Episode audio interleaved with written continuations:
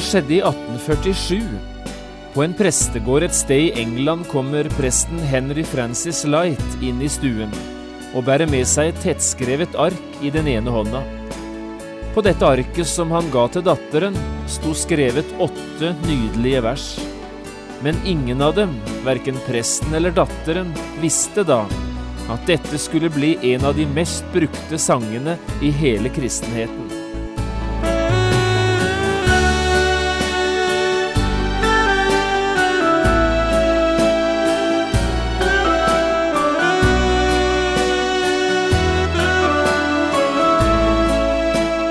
Hjertelig velkommen til et nytt program i serien Vindu mot livet. Programmet er produsert av Kristen Riksradio og blir ledet av Jon Hardang. Kristen Riksradio drives av frivillige gaver. Vi er glade for din støtte.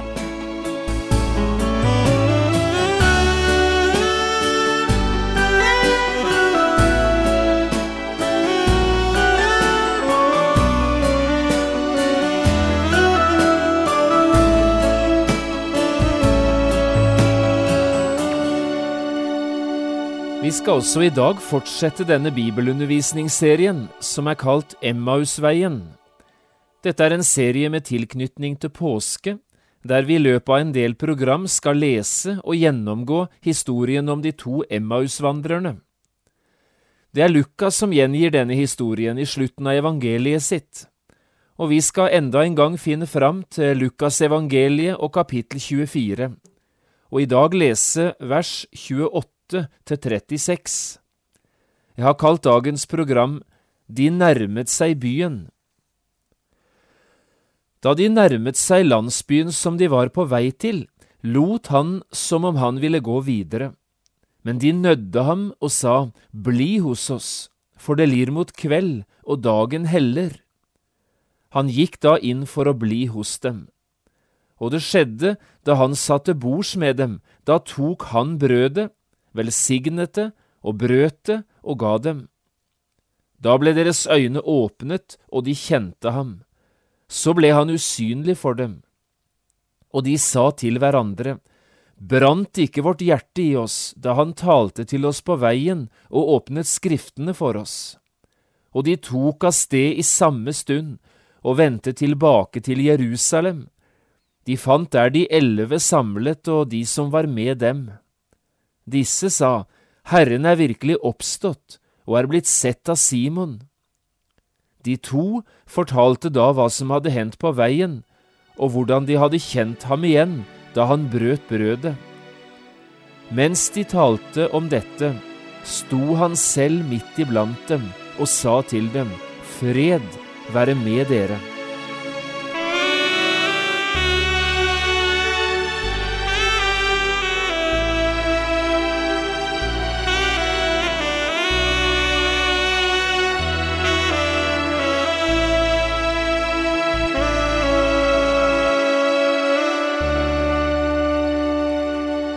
I dag hadde jeg lyst til å gjøre deg oppmerksom på et lite trekk i den historien vi nå begynner å bli ganske godt kjent med, historien om de to disiplene på vei til Emmaus. De nærmet seg landsbyen som de var på vei til. Slik forteller Lukas det her, i begynnelsen av det avsnittet vi nettopp leste sammen. De nærmet seg landsbyen som de var på vei til. Det må bety den var kortere, den etappen de nå hadde igjen, enn det veistykket som lå bak dem. De nærmet seg landsbyen som de var på vei til. De var snart framme. Målet for dagsreisen var ganske snart nådd. Og nå var de hjemme, ganske snart, i Emmaus. De nærmet seg landsbyen som de var på vei til. Det er ikke så lenge siden jeg selv fylte 50 år. Den 25. i 12., altså første juledag i 2003, rundet jeg de første 50, og var altså halvveis til 100. Dette var på mange måter en kjekk opplevelse. Både det enda en gang å skulle feire jul og gi bursdag sammen med sine egne, og det å skulle feire at en virkelig hadde nådd slik en milepæl i livet. I de årene som siden har gått, har jeg ofte tenkt en tanke som jeg nesten aldri tror jeg tenkte før jeg fylte 50. John, du nærmer deg byen du er på vei til. Nå må du regne med det at du sannsynligvis har et lengre veistykke i livet bak deg enn det som ligger igjen foran deg. Du kan selvsagt oppleve å bli over 100 år gammel, men sannsynligheten tilsier at så gammel blir du ikke. Du nærmer deg byen du er på vei til. Det betyr nå har du ikke lenger tid og anledning til å være opptatt med alt mulig, ikke engang til alt det du synes er viktig. Nå har du egentlig bare tid til det viktigste. Jeg vet ikke hvordan det er med deg, jeg vet ikke hvor gammel du er, eller hvilke tanker du gjør deg om livet, så langt som du har kommet på livsveien. Det tror jeg kan være ganske forskjellig med de forskjellige av oss. Men i dag hadde jeg altså lyst til å gjøre deg oppmerksom på denne ene setningen i historien om Emmausvandrerne. De nærmet seg landsbyen som de var på vei til. Slik er det nemlig også med deg. Du nærmer deg den byen du er på vei til. Du er snart framme. Målet for livet er snart nådd.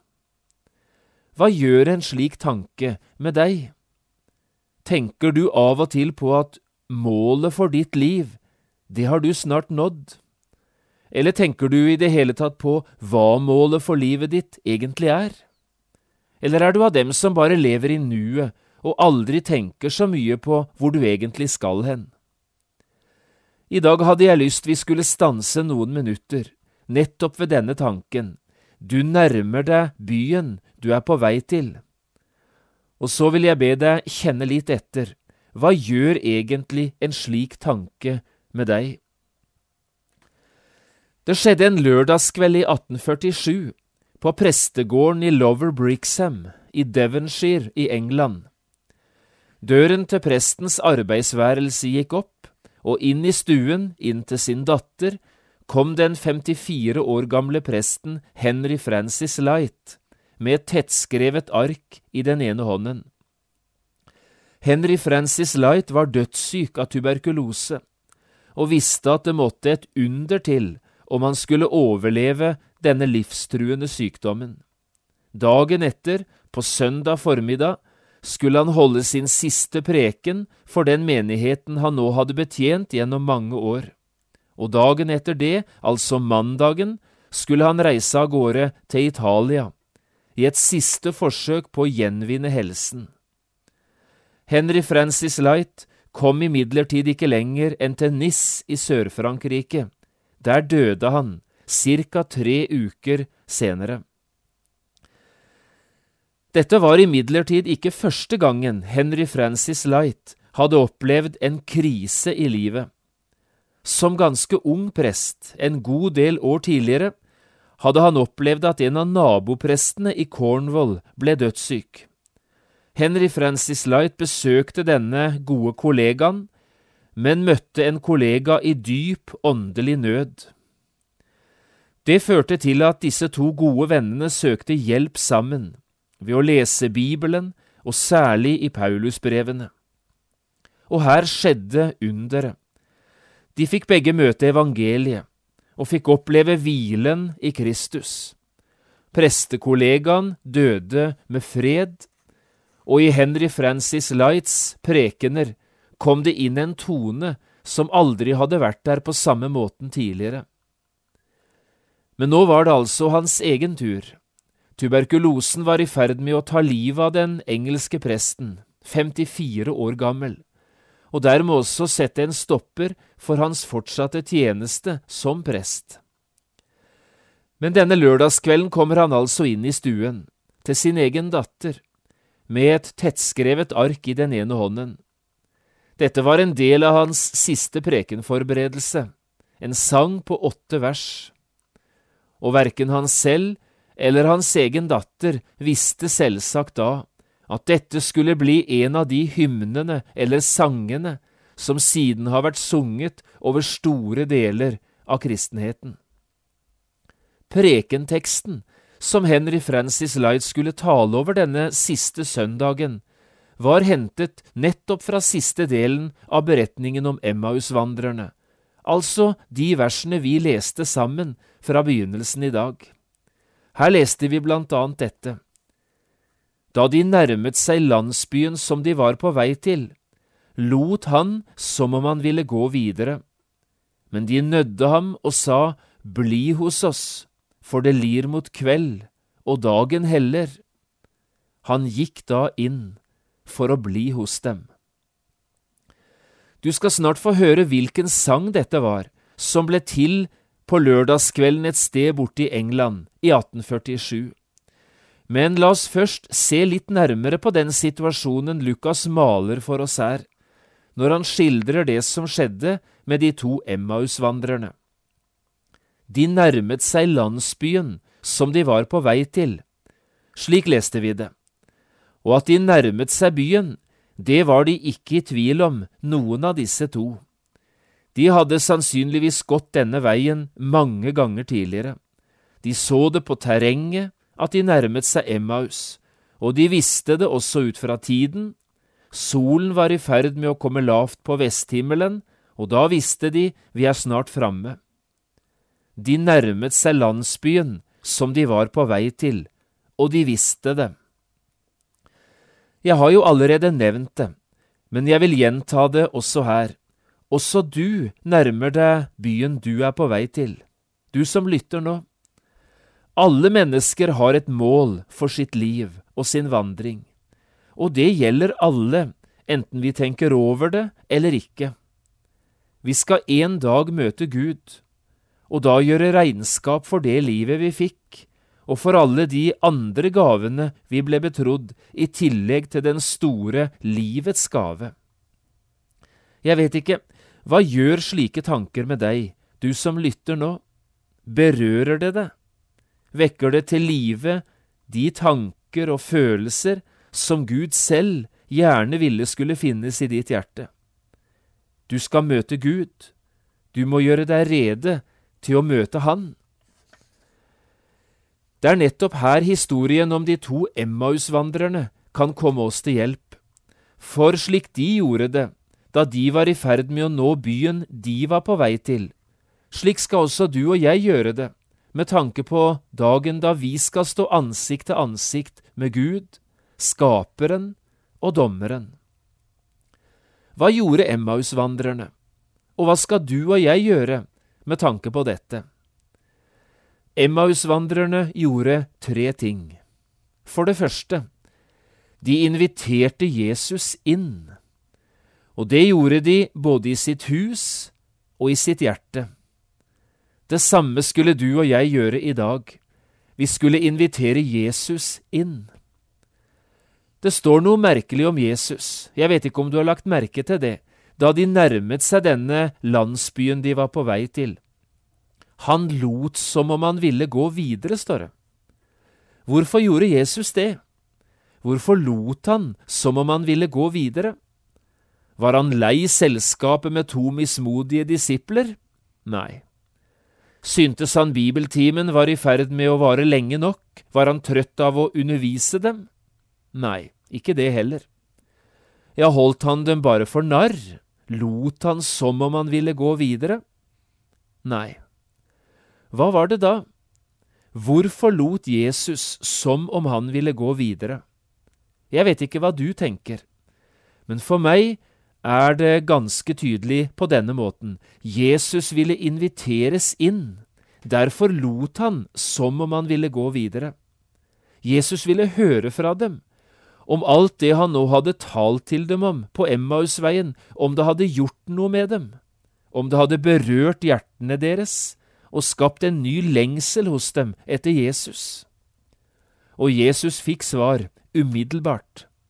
Men de nødde ham og sa, bli hos oss, for det lir mot kveld, og dagen heller.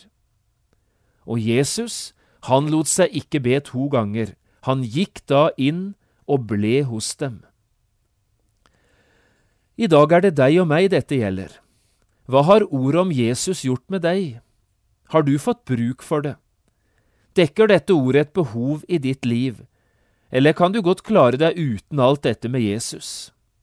Her får den enkelte av oss svare for seg selv. Men i Bibelen, der står det slik, Se, jeg står for døren og banker.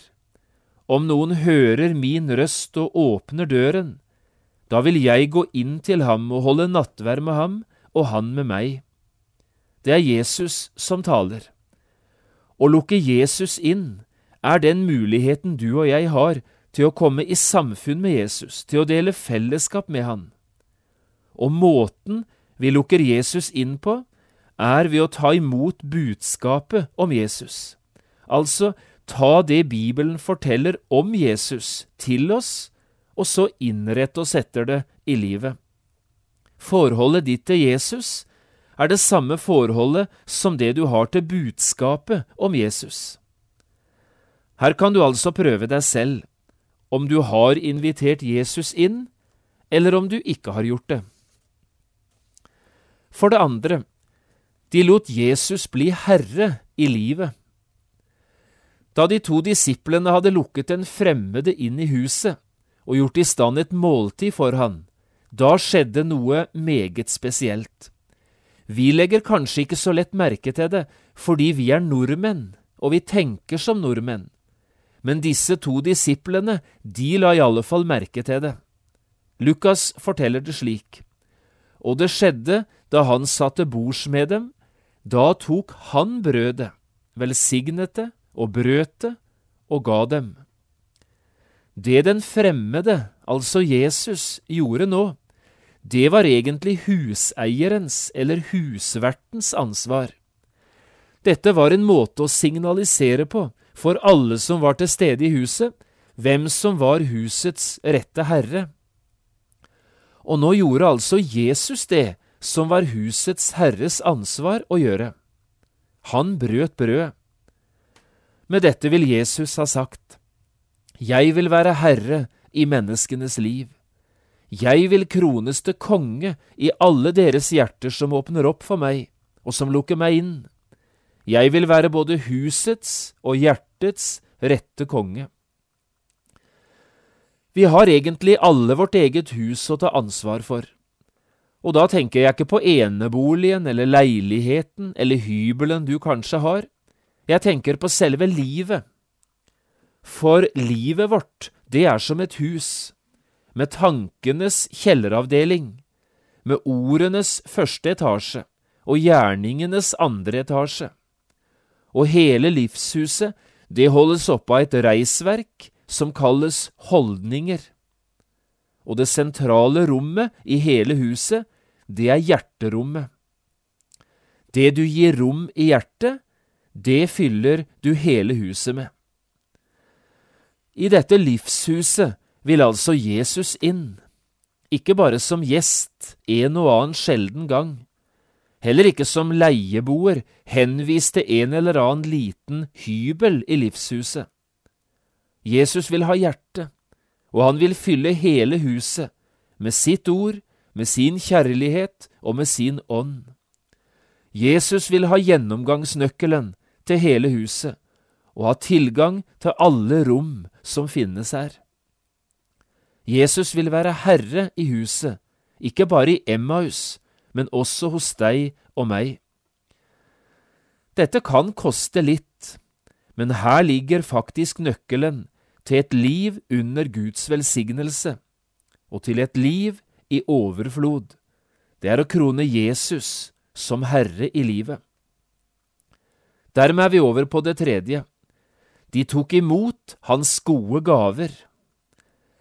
Historien om Emmausvandrerne er historien om to mennesker som åpner seg, og som tar imot alt det gode Jesus har å gi. Ute på veien tok de imot hans ord, til både styrke og veiledning, oppmuntring og trøst. Og inne i huset tok de imot ikke bare synlige gaver, men også hans usynlige gaver, fellesskap, nærhet, frelse og fred. Den som tar imot Jesus, får del i alt det Jesus er, og alt det Jesus har. Det er som nevnt en viss risiko ved det å lukke Jesus inn. Du mister nemlig herredøm over ditt eget liv. Men rikdommen er større enn risikoen. Du får del i et liv som aldri kan dø, og en rikdom som aldri skal tape sin verdi, ikke engang i døden. Hva mer kan et menneske ønske seg? Jeg fortalte deg tidligere i dette programmet om en sang som ble skrevet i England i 1847, men jeg fortalte deg ikke hvilken sang dette var. Nå skal du få høre det. Denne sangen ble sunget både i King George den fjerdes bryllup og i dronning Elisabeth den andres bryllup, begge deler i England. Og den har vært sunget på alle cupfinaler i fotball, faktisk, på Wembley stadion i England helt siden 1927. Og vi i Norge, vi har sunget den på møter og gudstjenester, i festsamvær og i begravelser, i mange, mange tiår. Og det viktigste med sangen er dette. Den som synger denne sangen av hjertet, eller ber denne bønnen av hjertet, for det er egentlig en bønn, han blir bønnhørt av Gud. Han lukker Jesus inn. Når jeg nå siterer noen av disse versene, kunne ikke du prøve å legge hjertet ditt i disse ordene? Sangen jeg tenker på, heter Abide with me, eller O, bli hos meg. Hør på disse ordene. O, bli hos meg, nå er det aftentid, og mørket stiger, dvel, o Herre, bli. Når annen hjelp blir støv og duger ei, du hjelpeløses hjelper, bli hos meg. Snart svinner livets dag, det kvelder fort og jordens lys alt mørkner og går bort. Forandringsskygge følger tro min vei.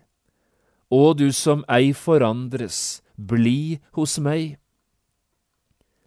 Hver time trenger jeg din sterke vakt, kun for din nåde viker mørkets makt. Hvor skal jeg vandre trygt foruten deg?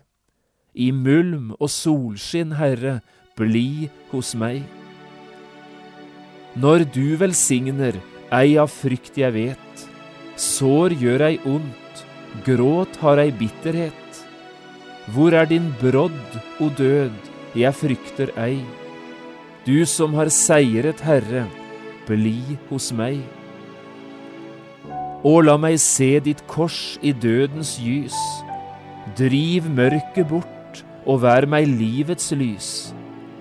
Da skinner morgenrøden på min vei. I liv og død, o Herre, bli hos meg.